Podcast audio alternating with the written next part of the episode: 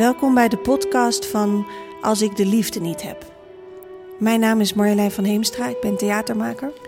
En mijn naam is Remy Jacobs, ik ben theoloog en priester. Als ik de liefde niet heb was de titel van de theatervoorstelling die Remy en ik samen maakten en speelden in 2014 en 2015. En dat was een voorstelling over geloof en misbruik, over liefde en de afwezigheid daarvan. En over hoe je je als individu verhoudt tot een systeem zoals de katholieke kerk. Ja.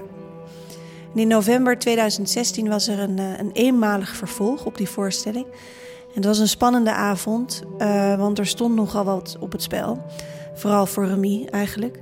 En we hielden samen een nachtdienst in de Waalse kerk in Rotterdam. En we stonden op de dag van die dienst in de krant, in Trouw, met een groot interview. En de kop was, dat ging natuurlijk over Remy, um, ik ben priester, maar ook homo. Dat ben ik namelijk. En in de kerk kan dat eigenlijk niet naast elkaar bestaan.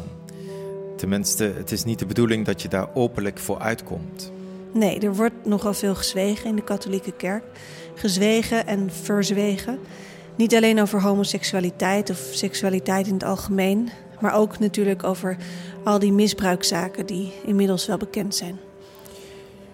In de krant en in de nachtdienst deed ik een oproep tot praten en openheid. In deze podcast hoort u hoe het was in de Waalse kerk op die regenachtige zaterdag in november. U hoort een bijzondere en onverwachte reactie uit het publiek. En we hadden ook nog even een gesprek met Carola Schouten, lid van de Tweede Kamer voor de ChristenUnie. Ja, laten we bij het begin beginnen. Um, ik vertelde in die Waalse kerk hoe de voorstelling Als ik de liefde niet heb eigenlijk begon. De voorstelling, uh, zal ik even kort samenvatten. Die, die, voorstelling die begon in 2013 met een e-mail die uh, Remy mij stuurde. Een e-mail van een priester die officieel priester was, maar niet praktiserend. En hij had een vraag die voortkwam uit zijn verhaal. Dat was een behoorlijk heftig verhaal. Uh, mensen die de voorstelling gezien hebben, die weten dat um, als kind was hij misbruikt door een van de paters in zijn dorp en door de dirigent van het jeugdkoor in de kerk waar hij zong. En hij had een half leven over zijn trauma gezwegen. En pas toen de eerste grote misbruikzaken aan het licht kwamen, kwamen toen besloot Remy dat hij niet langer kon zwijgen en ook moest spreken. Uh, hij sprak, hij vertelde zijn verhaal. Dat verhaal werd behandeld door de commissie Deetman. En uh, hij kreeg financiële compensatie en dat was dat. Maar dat was het niet. Uh, Remy zei hoe iemand van die commissie zei: uh, Jouw verhaal is één van de duizend verhalen. En hoe hij op dat moment het gevoel had alsof dat verhaal dus werd losgeknipt van al die andere verhalen. En eigenlijk werd, werd losgeknipt uit het veel grotere verhaal waarin het thuis hoorde. Teruggebracht werd tot één enkele scherf, een individuele geschiedenis. Het trauma van één man die financiële compensatie kreeg voor zijn leed. En Remy vertelde dat hij daarmee het gevoel had dat de kerk eigenlijk zijn verhaal had weggeduwd uit het systeem. Opgelost, zand erover en hij wilde het er terug in. Omdat het niet voelde opgelost, alleen maar afgesneden. Omdat het grotere verhaal van bijvoorbeeld de kerk niet klopt zonder al die kleine verhalen die daarin thuis horen. Omdat je de vlekken niet zomaar uit een kleed kunt knippen. Hij wilde iets met zijn verhaal. Hij wilde verbinding maken met iets groters. Een artistieke vertaling misschien. En zo kwam die bij mij. Nou, heel kort wie ik ben. Uh, een theatermaker die ooit godsdienstwetenschappen studeerde. Dus iemand met een bovengemiddelde interesse voor kerkscheuringen en concilies. En uh, het geloof is me altijd blijven fascineren. Misschien vanwege mijn eigen verlangen ernaar. Uh, misschien omdat ik er niet van begrijp. Misschien ook omdat ik jaloers ben op mensen als Remy, die zich zo onvoorwaardelijk toevertrouwen aan iets waarvan ze het bestaan nooit kunnen bewijzen. Maar hoe dan ook, mijn interesse was gewekt. We spraken af in een café hier in de buurt. En ik moet eerlijk zeggen dat toen ik Remy voor het eerst zag, dat ik hem niet herkende als priester. Want ik zat te wachten uh, op een soort kromme jezuïet. Met uh, sandalen en hele lange teennagels en een grote bril en een slecht gebit. Sorry, ik weet niet of hier Jezuïet in de zaal zitten, maar dat was een beetje mijn clichébeeld nou ja, van een priester eigenlijk.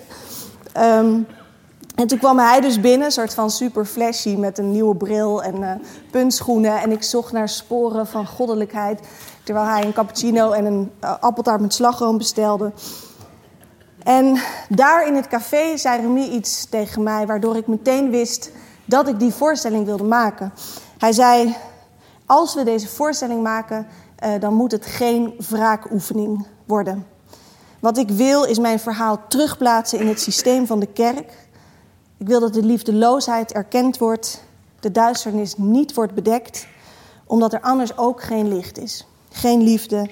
En dat, zei hij, dat moet de kern zijn. De liefde.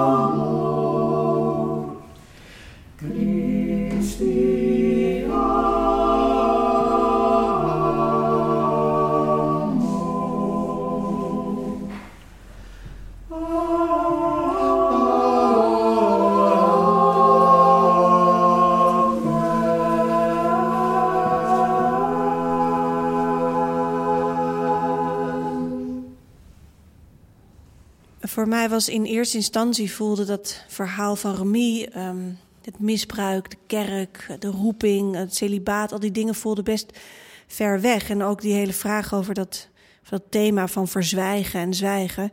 En eigenlijk kwam het heel dichtbij op het moment dat we uh, naar Remy's geboortedorp reden, als een soort research hè, voor, voor het verhaal. Dat was het.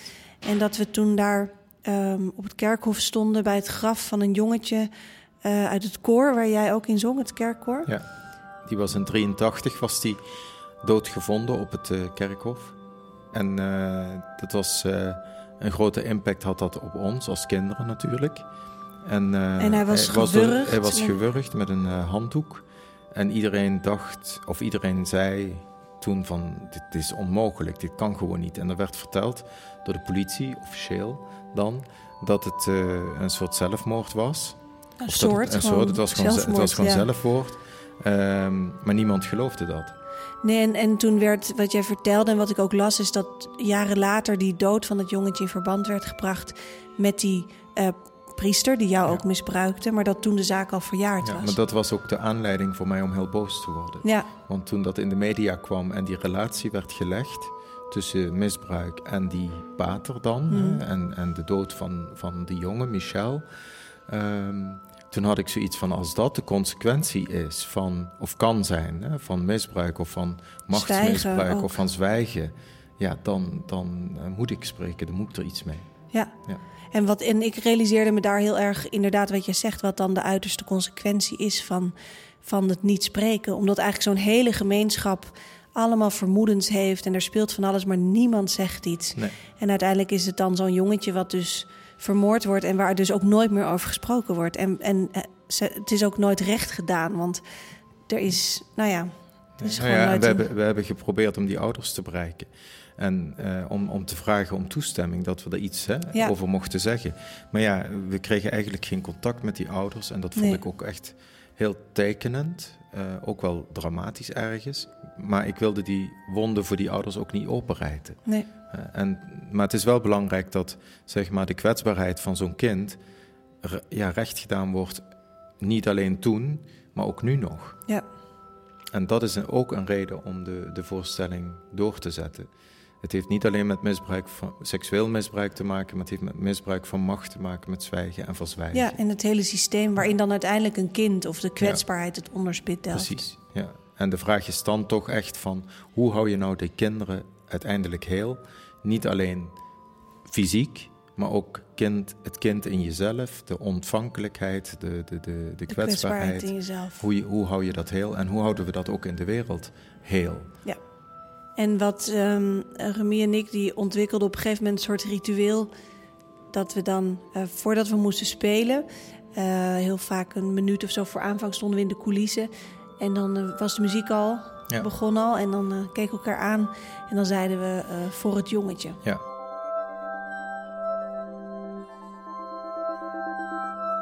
Dat was eigenlijk de intentie van de, van de hele bijeenkomst, van de hele uitvoering van, van de voorstelling. En eh, nou, dat was heel ja, mooi het om idee dat hij doen. dan toch ook genoemd Ja, werd. Dat hij genoemd werd, Omdat dat hij aanwezig was. Is Ja. weggezwegen. ja, zeker. Ja. Die voorstelling was voor ons uiteindelijk... Ja, we hadden een soort groter doel. En dat was toch eh, naar het Vaticaan gaan.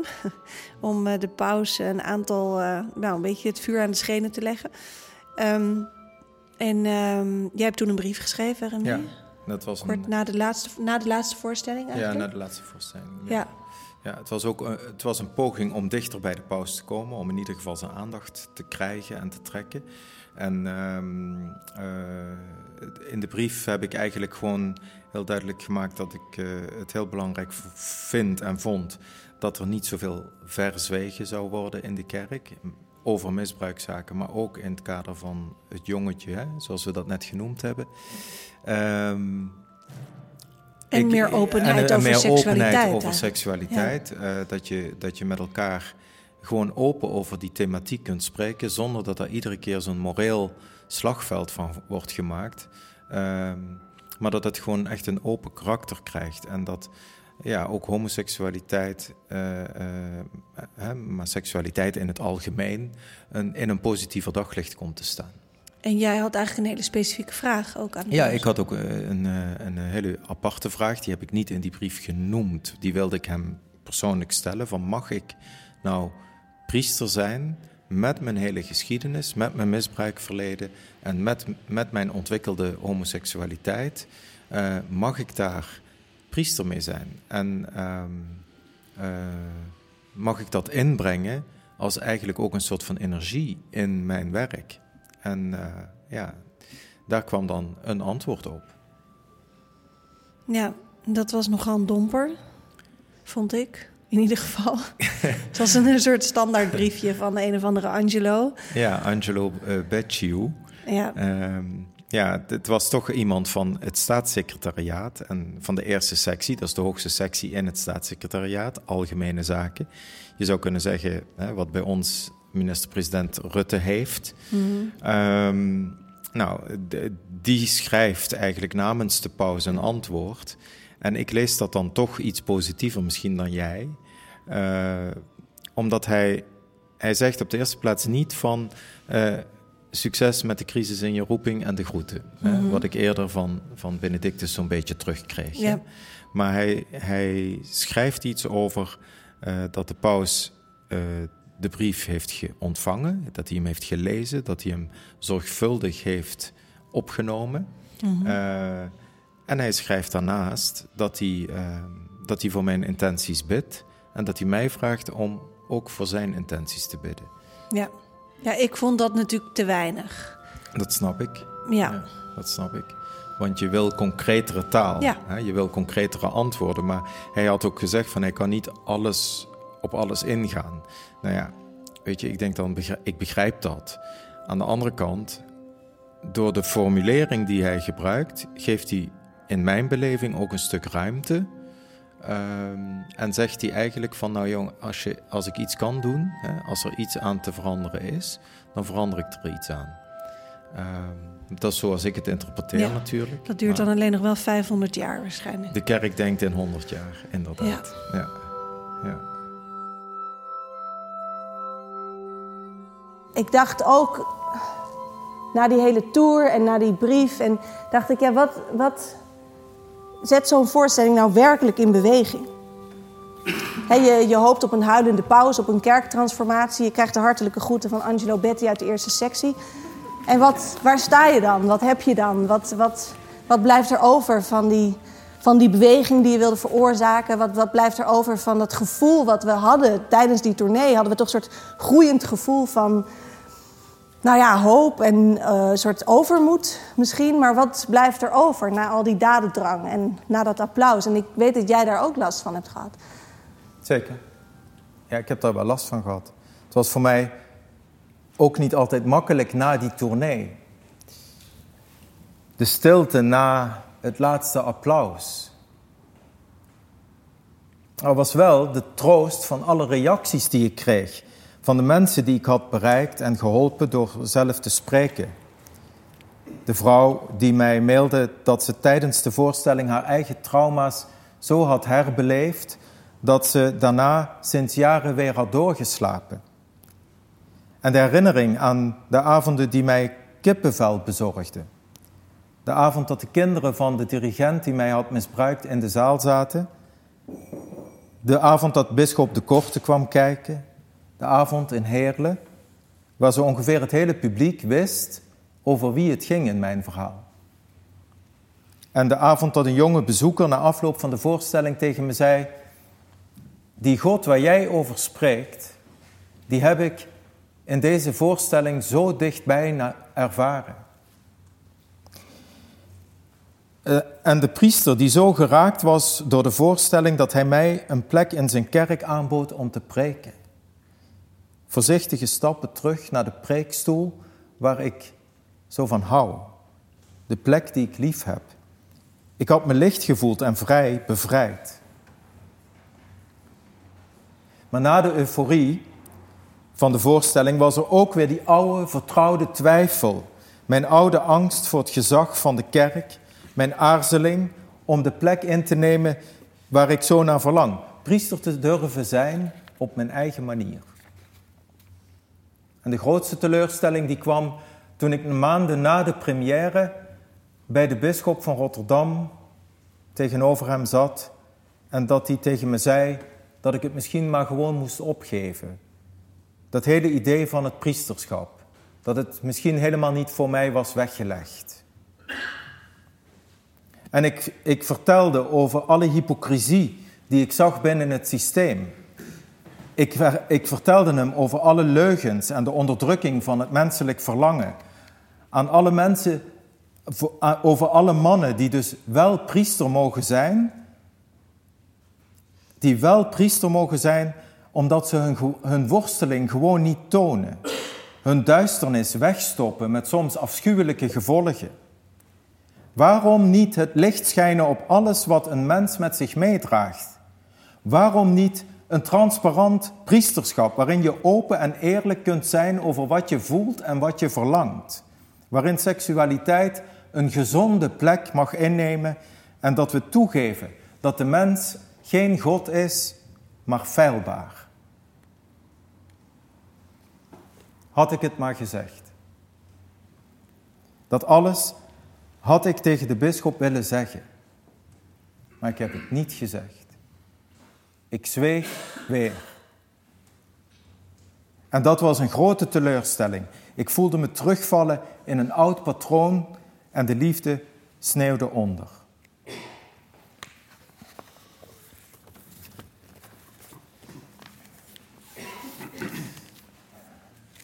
Mijn antwoord komt zoals vaker laat.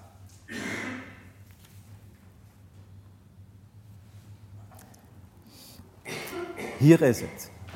Nee. Ik wil priester zijn. Ik geef het priester zijn niet op. Ik verloochen niet mijn roeping, die ik ooit heb gevoeld en die ik heb ervaren als waarachtig. Ik verloochen het niet. Hier in deze kerk, waar ik vrij uit kan spreken, in deze kerk, waar ik niet gehinderd ben, waar ik, niet hoef, waar ik me niet in de luwte hoef te bewegen, zeg ik het voor het eerst, sinds lange tijd, in het openbaar en luidkeels. Ik ben priester. Ik ben priester. En ik ben onderdeel van dat geheel, onderdeel van die gemeenschap, hier in dit huis.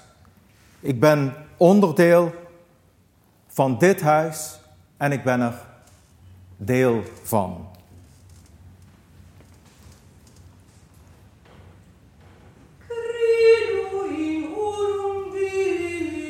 Dit was misschien wel het belangrijkste moment van de avond. Het moment dat jij, Remy, je priesterkleed weer aantrok. Ja, de alpen en de toog. Ja. Eerst, eerst de toog en daarna de alpen. Ja. Het zwarte kleed en daarna het witte kleed. Niet de stola wilde nee, je die, aan? die heb ik weggelaten, ja. Omdat ik hmm. vond dat je... Uh, je bent als priester niks meer of minder dan andere mensen, hmm. andere gelovigen. En uh, ik wilde dat onderscheidingsteken gewoon even niet. Nee.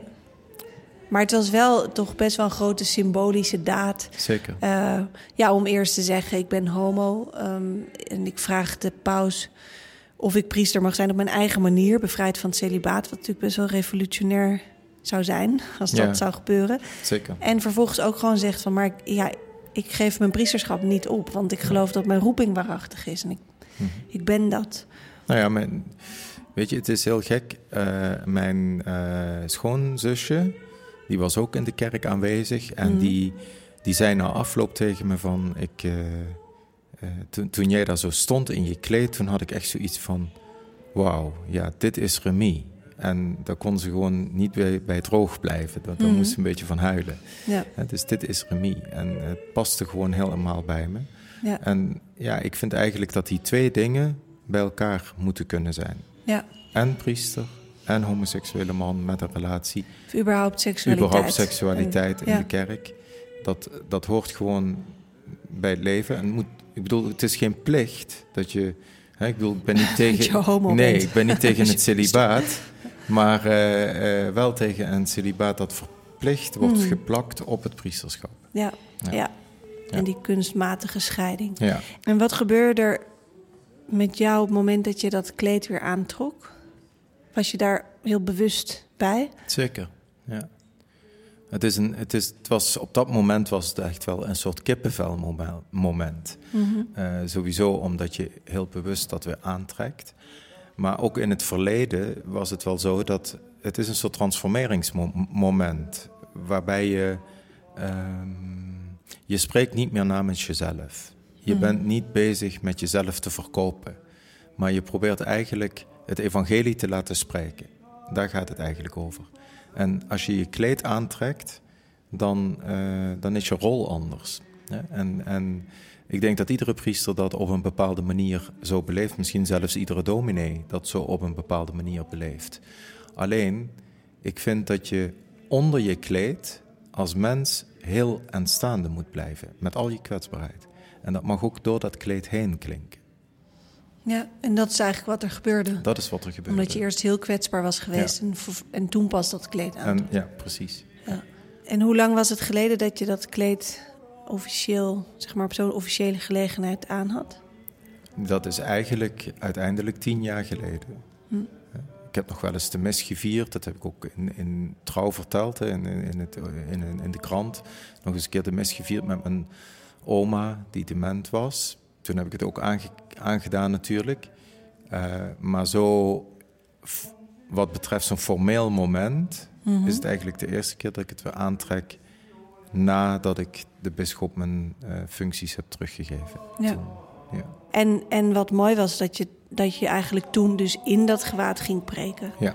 En dat was eigenlijk je eerste echte het was officiële een vrije preek. Een vrije die, preek, ja. ja. ja. over de barmhartige Samaritaan. Ja, klopt.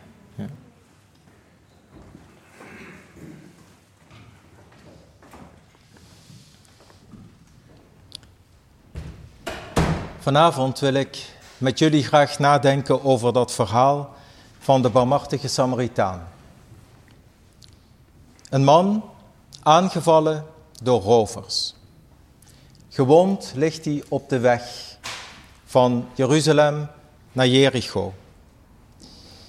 En wanneer de priester en de wetgeleerden langskomen, dan lopen ze met een boog heen om de geschonden man, of misschien wel de geschonden mens. Ze gaan snel door naar Jeruzalem, de andere kant op, de stad van de vrede, waar je niet gestoord wordt. Waarom helpen ze eigenlijk niet? Is het misschien omdat ze niet in staat zijn hun andere ik, hun geschonden ik, aan te zien in de man die daar ligt? Misschien zijn ze door de wet, theologie en riten zo gevormd dat ze niet meer in staat zijn om hun eigen kwetsbaarheid en hun eigen menselijkheid onder ogen te komen. Zelfs niet hun eigen gescheidenheid onder ogen te komen. En misschien is het zelfs zo dat ze niet eens meer in staat zijn om geraakt te worden. De Samaritaan, die stapt van zijn eigen rijdier af. Ik vind dat zo'n mooi beeld van Jezus die op een rijdier Jeruzalem binnenrijdt en ook afstapt. Het lijden van de onschuldige op zich neemt en het daardoor transformeert. De Samaritaan, de vreemde, de ongewenste binnen de eigen kring, kent de liefde nog en laat zich vooral raken door het leed en doet er iets aan. Hij ziet, wordt bewogen en komt in beweging voor de gekwetste. Ik zie plaatjes bij dit beeld. Kapotte steden, geschonden mensen, geschonden kinderen, gebroken levens. De beelden die we dagelijks voorbij zien komen, samengevoegd in dat ene beeld van de geschonden mens op de weg naar Jeruzalem. Ik vraag me af hoe hij daar ligt, wat er in hem omgaat. Hoopt hij nog? Ik hoop het. Ik hoop op zijn hoop, op een hoop die door de liefde wordt gevoed. Die liefde waarvan de Bijbel zegt, God is liefde. En waar vriendschap is en liefde, daar is God. We hebben het al gehoord. Ubi caritas, et amor, Deus ibi est. Misschien mag die Samaritaan ook voor ons, voor u en voor mij, een beeld worden voor de liefde, voor de vreemde in onszelf, die wij niet meer zo goed herkennen, maar die er wel is. Misschien mogen we vriendschap sluiten met ons andere ik, open voor het leed, maar ook het ik aankijken dat zich afwendt en soms doorloopt, zich verschuilt achter wetten en illusies van macht. Het slachtofferschap, de liefde, de minachting, alles komt voorbij op de weg tussen Jeruzalem en Jericho. En we zullen overal het licht op moeten laten schijnen. Ook op de weg zelf trouwens. Want wat heeft het voor zin om de geschonden man te helpen als de weg zelf niet veilig is? Die vraag stelde Martin Luther King ooit en het is een mooie, terechte vraag. We kunnen focussen op één enkel slachtoffer. Maar belangrijker is het misschien nog wel om de omstandigheden te creëren die ervoor zorgen dat de rovers geen kans meer krijgen. Beroofd worden van de liefde is het ergste wat je kan overkomen. Beroofd worden van je, van je lijf is misschien wel een van de tragischste dingen die je kunnen overkomen. Verlichting, sociale controle en de moed om in te grijpen. De weg van de gewonde man, van de priester, van de wetgeleerde, van de rovers en van de Samaritaan is onze weg. Ze lopen er allemaal. Wij lopen er allemaal.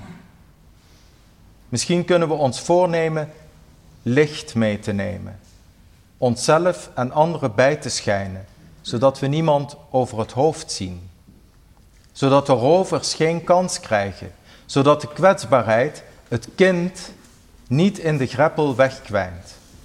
Want het is net zo goed onze eigen kwetsbaarheid die daar in het donker ligt. Het is onze weg en wij mogen en moeten Hem veilig maken.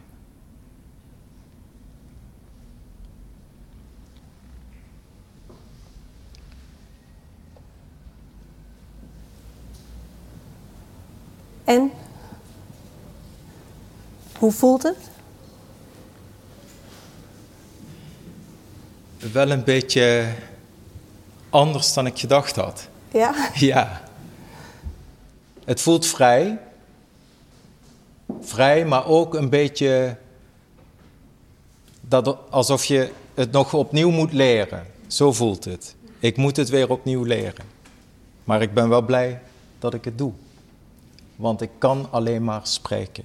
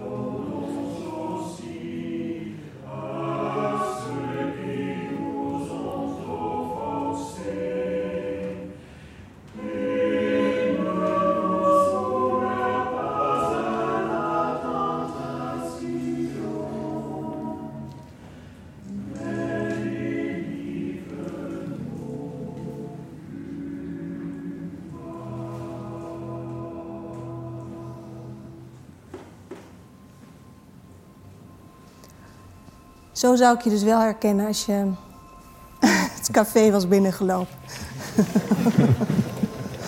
Had je me heel wat wachttijd bespaard. het, is, um, het is dus, zoals ik al zei, twee jaar geleden dat Remy en ik voor het eerst naast elkaar op het podium stonden. En um, er is weinig veranderd, er is veel veranderd. We gingen niet naar Rome, zoals we al hebben verteld. Theater bleek misschien ook maar gewoon theater. In het echt klinkt er geen daverend applaus op het einde. In het echt valt de paus niet huilend op zijn knieën. In het echt is er geen einde. Maar er zijn wel momenten. Het moment waarop het zwijgen wordt doorbroken. Een bezoeker zo geraakt is dat hij Remy een plek aanbiedt om te preken. Een moment waarop er ruimte ontstaat om opnieuw ergens in te gaan geloven wat lange tijd onbereikbaar leek. Waarop een priester zijn kleed weer aantrekt en zich durft uit te spreken, hoewel we echt geen flauw idee hebben wat hier de consequenties van gaan zijn uiteindelijk en wat er straks gebeurt als de dienst is afgelopen, als zaterdag zondag wordt en zondag maandag wordt.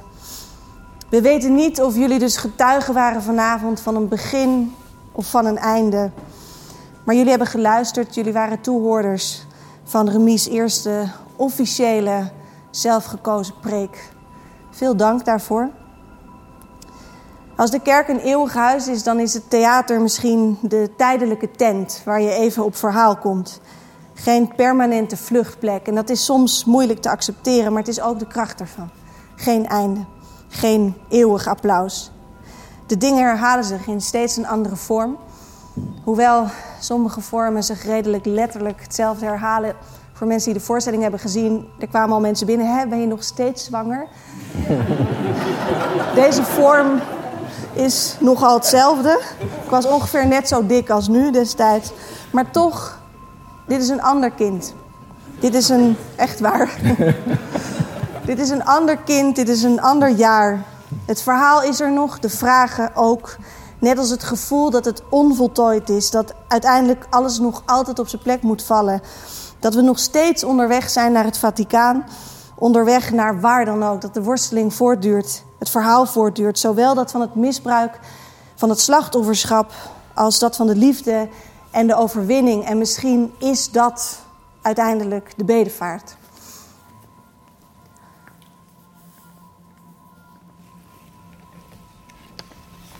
Hij heeft een brief gestuurd.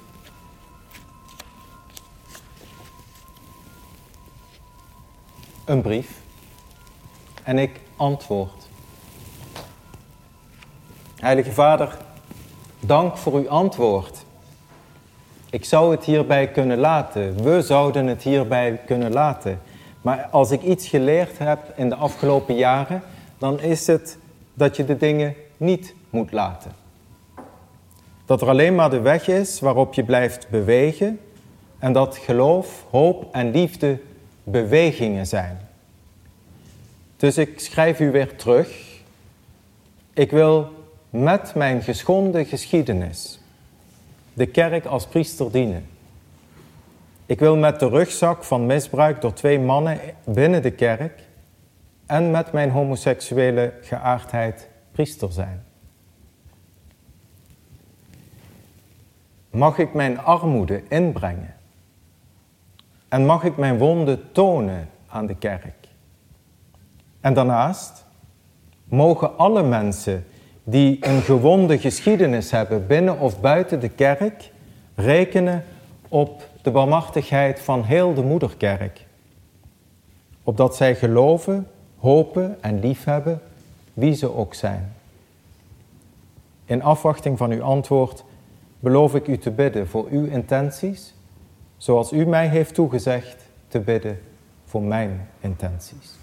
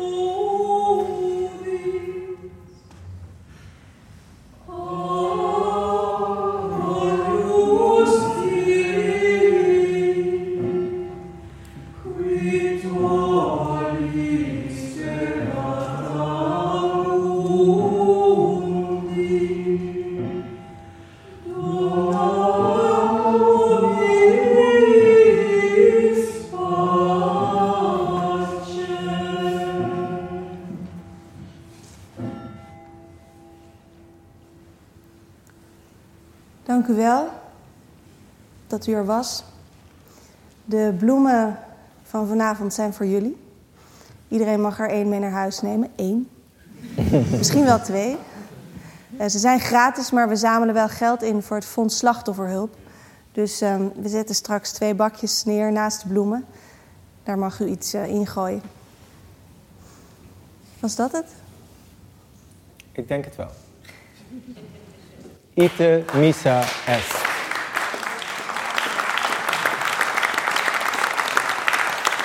Eigenlijk hoor je niet te klappen in de kerk. Nee, maar ja, dat doen ze in Rome ook. Hè? Als de Oh, ja. paus binnenkomt, dan wordt er heel hard geklapt. Ja, Maar het was wel overweldigend, want het was meteen alsof de voorstelling, zoals we die twee jaar geleden hebben eh, gedaan, alsof die weer terugkwam. ja.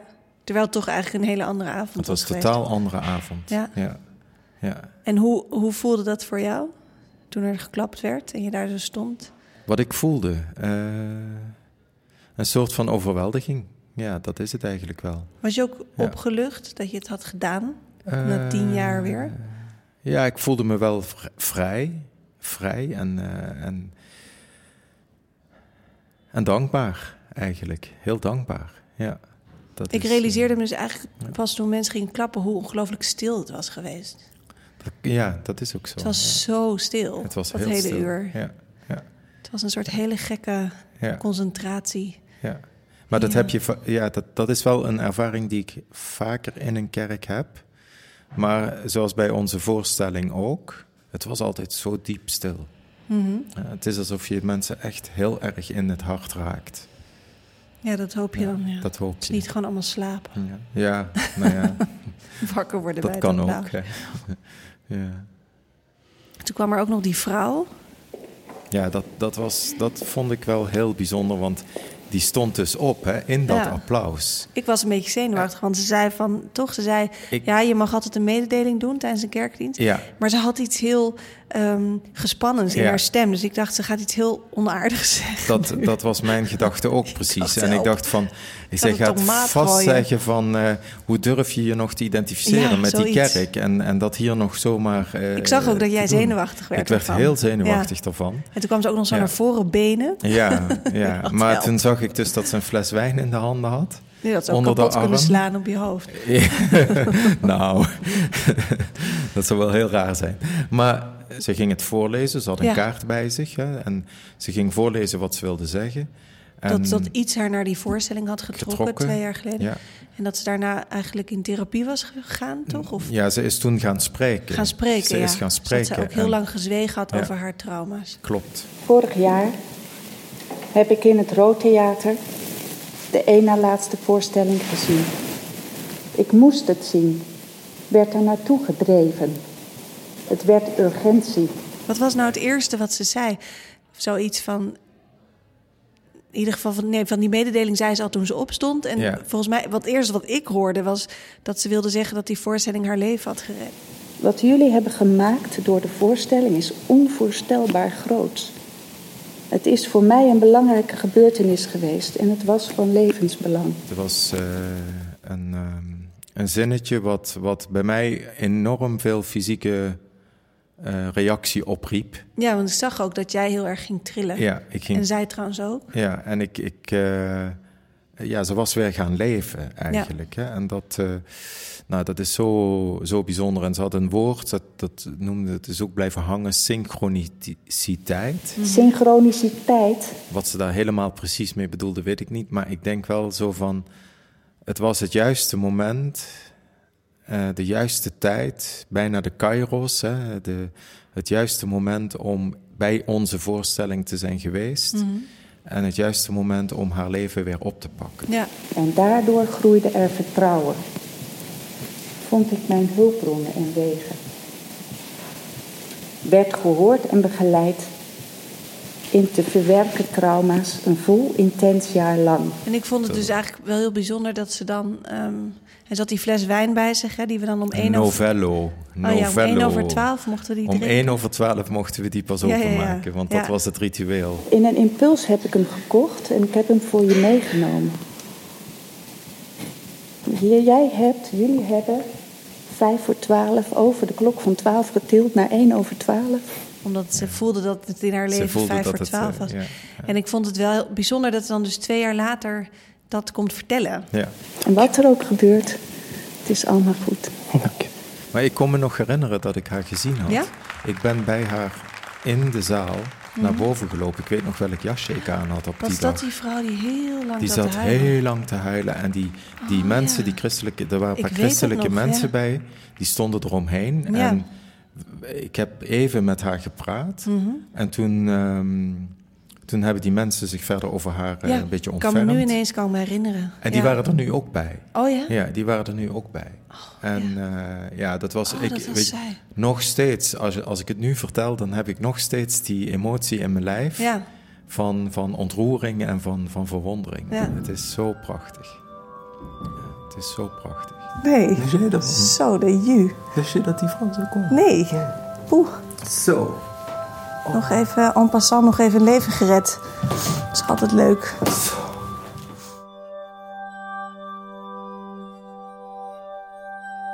Was ook wel ehm, interessant dat het nagesprek ongeveer net zo lang duurde als de dienst zelf. Misschien wel langer. Ja, dat was bijna niet te geloven. En mensen bleven maar hangen. Ja, jij hebt ook heel veel reacties gehad. Ja. Hè? En, eh, Ja. mooie reacties, ik. Ja, ik heb wel de hele tijd gezegd, eh, Remy staat daar. Ja. Ik wilde eigenlijk gewoon naar huis op een Je, gegeven moment. ja, je bent ook een soort Angelus. Die Angelo. verwijst door. Ja. Maar eh, nee, het was echt heel bijzonder. Want ik kreeg ook na dat gesprek met die vrouw... kreeg ik eigenlijk geen lucht. Ik ben gevlucht. Ja, want jij zei, Naar ik wil even alleen een zijn. En toen zei ik nog tegen jou, ga even ergens in een kast zitten. Ja, ik ga in de kast, ja. Oké, Weer terug dom. de kast in. Maar dat komt omdat ze er allemaal van die kasten hadden. Klopt. Nou goed, whatever. Maar goed. opmerking. En, eh, nou ja, en daar, kwam, daar kwamen gelukkig een paar mensen die ik heel goed ken, kwamen naar me toe. Mijn, Mm. mijn, mijn vriend en, eh, en nog een pastor die ik ook heel goed ken. En wat daarna gebeurde was ook heel bijzonder.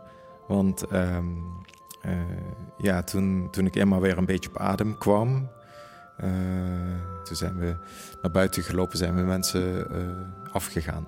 Ja, en er waren een, was een mevrouw van, ik denk een jaar of negentig of zo.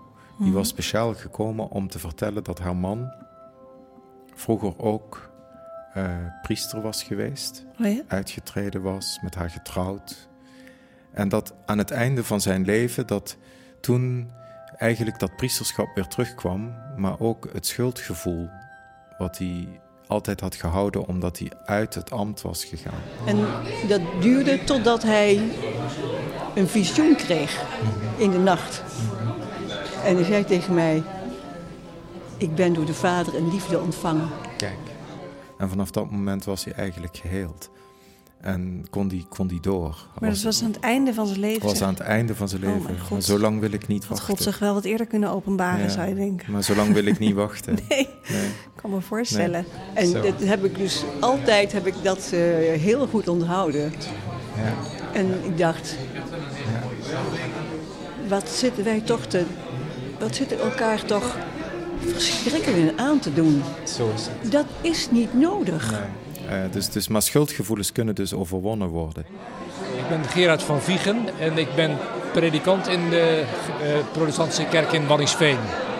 Eh, ik vond het een heel indringend en prachtig ja, te- theaterstuk om, om te, waarin jullie zo persoonlijk en zo open over het voetlicht brachten wat het met je doet en wat het betekent in je leven, wat er, wat er met je is gebeurd. En, maar dat je ook de lijn vasthield van en toch wil ik, wil ik niet loslaten datgene wat ik geloof en wat ik blijf geloven. Ik blijf geloven in de liefde. Eh, dat, dat, eh, dat vond ik heel ontroerend, ontzettend eh, indringend. We hebben er heel lang ook over nagepraat na afloop. Ja, dus, ik vond het een, ja, een, stuk wat me heel erg geraakt heeft. Ja, heel bijzonder. Ja. Wat ik een hele mooie reactie vond, was van die mevrouw met haar christelijke vrienden, die daar omheen stonden. Die zei van, jij blijft priester. Jij blijft priester, wat er ook gebeurt, hoe het ook gaat. Jij blijft priester. Wat er ook gebeurt. Jij bent waarlijk priester. Daar heb je, wat er ook gebeurt, of er wel of niet een kerk zal zijn, dit is jouw taak. Los van een kerk zelfs. Overstijgend. Jij hebt zo'n belangrijke rol. Ja, Maar dat is goed. natuurlijk ook een vraag die ik jou vaak gesteld Ja, heb. zeker, zeker. Maar daar heb ik ook vaker van gezegd, van als je nou een gezin hebt of een familie hebt, ook wanneer het daar heel slecht in is gegaan, je blijft het kind van je ouders. Daar kun je niet omheen. En je kunt wel weglopen, maar uiteindelijk, komt er toch een moment dat je bij het graf van je ouders misschien staat, of niet. Ja, en wat je ook wel ooit gezegd hebt van... Je, je kan dan weg uit dat systeem, maar dan laat je dat systeem ook... terwijl je het misschien Ja. ook van binnenuit wil veranderen. Ja, precies. En ook al is dat een beetje een Sancho Panza gevoel, hè? zo van eh klein Mhm. mannetje wat een beetje in opstand komt tegen het grote geheel. Ja. Eh, toch eh, geloof ik dat elk woord dat, dat gezegd wordt, dat dat in ieder geval ergens landt. Ja. En als we niks meer zeggen, dan laten we het zoals het is. Mhm. En volgens mij heeft Jezus dat ook gedaan. Die heeft ook gesproken. Wel na 30 jaar pas, maar hij heeft gesproken. Eh, ik ben Carola Schouten en ik ehm, ben hier als privépersoon, maar ik ben een Tweede Kamerlid voor de ChristenUnie. Ehm, vorig jaar ben ik eh, bij de voorstelling geweest. Het heeft een diepe, diepe indruk gemaakt. Ehm, ook het persoonlijke verhaal van Remy, eh, maar ook de manier waarop ze het verwoorden en dat er inderdaad geen wraak achter zat. Dat vond ik het allersterkste.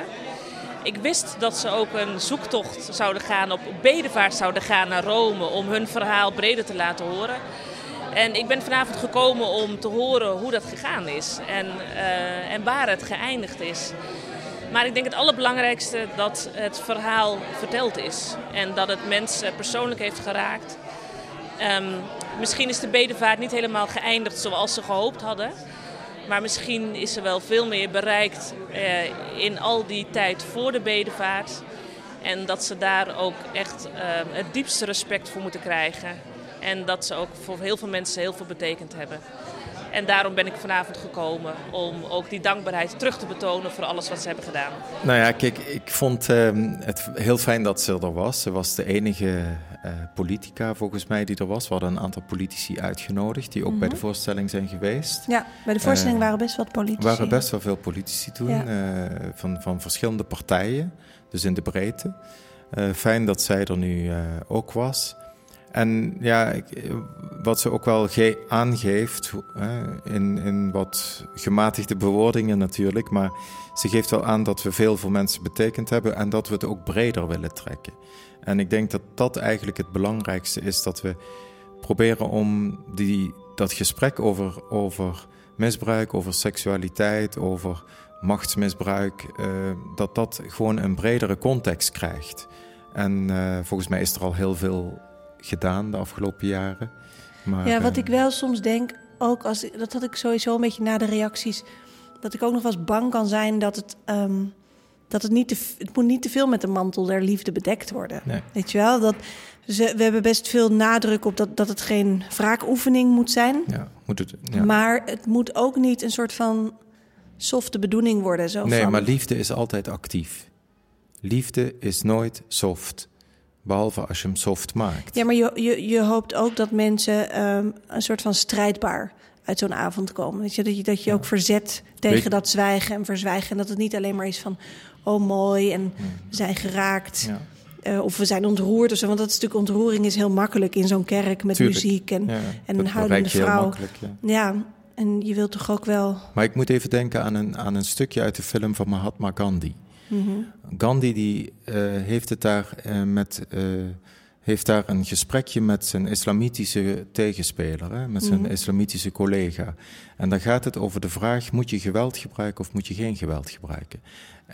Om, om verzet te tonen. En dan zegt Mahatma Gandhi in die film, zegt hij, wij zullen ons verzetten. Wij zullen ons verzetten met alle kracht die in ons is. Maar we zullen geen geweld gebruiken. We zullen ons verzetten met de liefde en met de woorden die we kunnen spreken. Maar zei Gandhi trouwens niet ook... als je moet kiezen tussen lafheid en geweld, kies dan voor geweld? Dat weet ik niet. Ja, volgens mij heeft hij dat, Dat ook weet ik gezegd. niet. Dat zal vast. Ik weet niet of die altijd zo geweldloos Nee, was. nee. Ik wil niet per se geweld prediken, maar Nee. het is meer iets wat ik dan ook wel meeneem als ik naar huis ga. Dat ik denk, oh ja, ja dat is toch een spanningsveld. Ja. Maar als je nou kijkt naar Jezus, als ik dat even zo, hè, gewoon zo mag zeggen.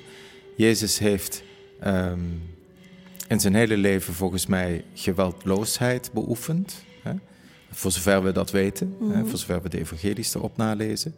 En uiteindelijk is hij daarin tot het uiterste gegaan. Dus hij heeft ook zelfs nog gezegd, bemin je vijanden. Dat is een van de moeilijkste dingen van het christendom, denk ik. En ook een, de moeil- een van de moeilijkste dingen voor mij. Van, kan ik wel degene beminnen die mij verachten. Maar volgens mij is het allerbelangrijkste dat je niet veracht wat er in jezelf is. En dat je niet gaat haten wat in jezelf is, omdat je daardoor de ander gaat haten. Ja, maar wat dus ook heel belangrijk is, wat je net zegt, is dat die liefde dus een soort actieve kracht wordt. Zeker. En dat je daarmee wel degelijk dingen omver kan blazen. En dat Ja. het niet een soort van passief goed gevoel Nee. waarmee Nee. je dan naar huis gaat en Ja. van goh, nou, dat is mooi zoals, zoals kerstavond, hè? Ja, Eén keer per jaar. precies. En dan eh, gaan Met we met een goed aan. gevoel naar de, ker- naar, naar de kerstgans. Nee, je moet toch die boom in brand steken uiteindelijk. Zo is het. En wat mijn proces met mijn zoons doet, zij waren er niet bij, maar het heeft ook hun leven drastisch veranderd. Het gaat door, Amy. Als pepermuntjes.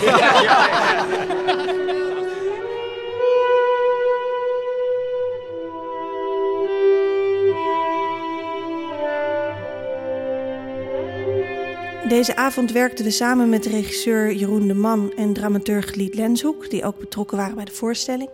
Het koor dat je hoorde was Octare uit Rotterdam en de solist was Jet van Helbergen. De podcast werd gemaakt door Botte Jellema en de avond en de podcast werden mede mogelijk gemaakt door Art of Impact en het Roodtheater. Het koor dat je hoorde was Octare uit Rotterdam, de solist Jet van Helbergen en de overige muziek in de podcast is van Roald van Oosten, die ook de muziek maakte voor de voorstelling. Met speciale dank aan Dagblad Trouw en de Waalse Kerk in Rotterdam. Je luisterde naar een podcast van Marjolein van Heemstra en Remy Jacobs. Dank voor het luisteren.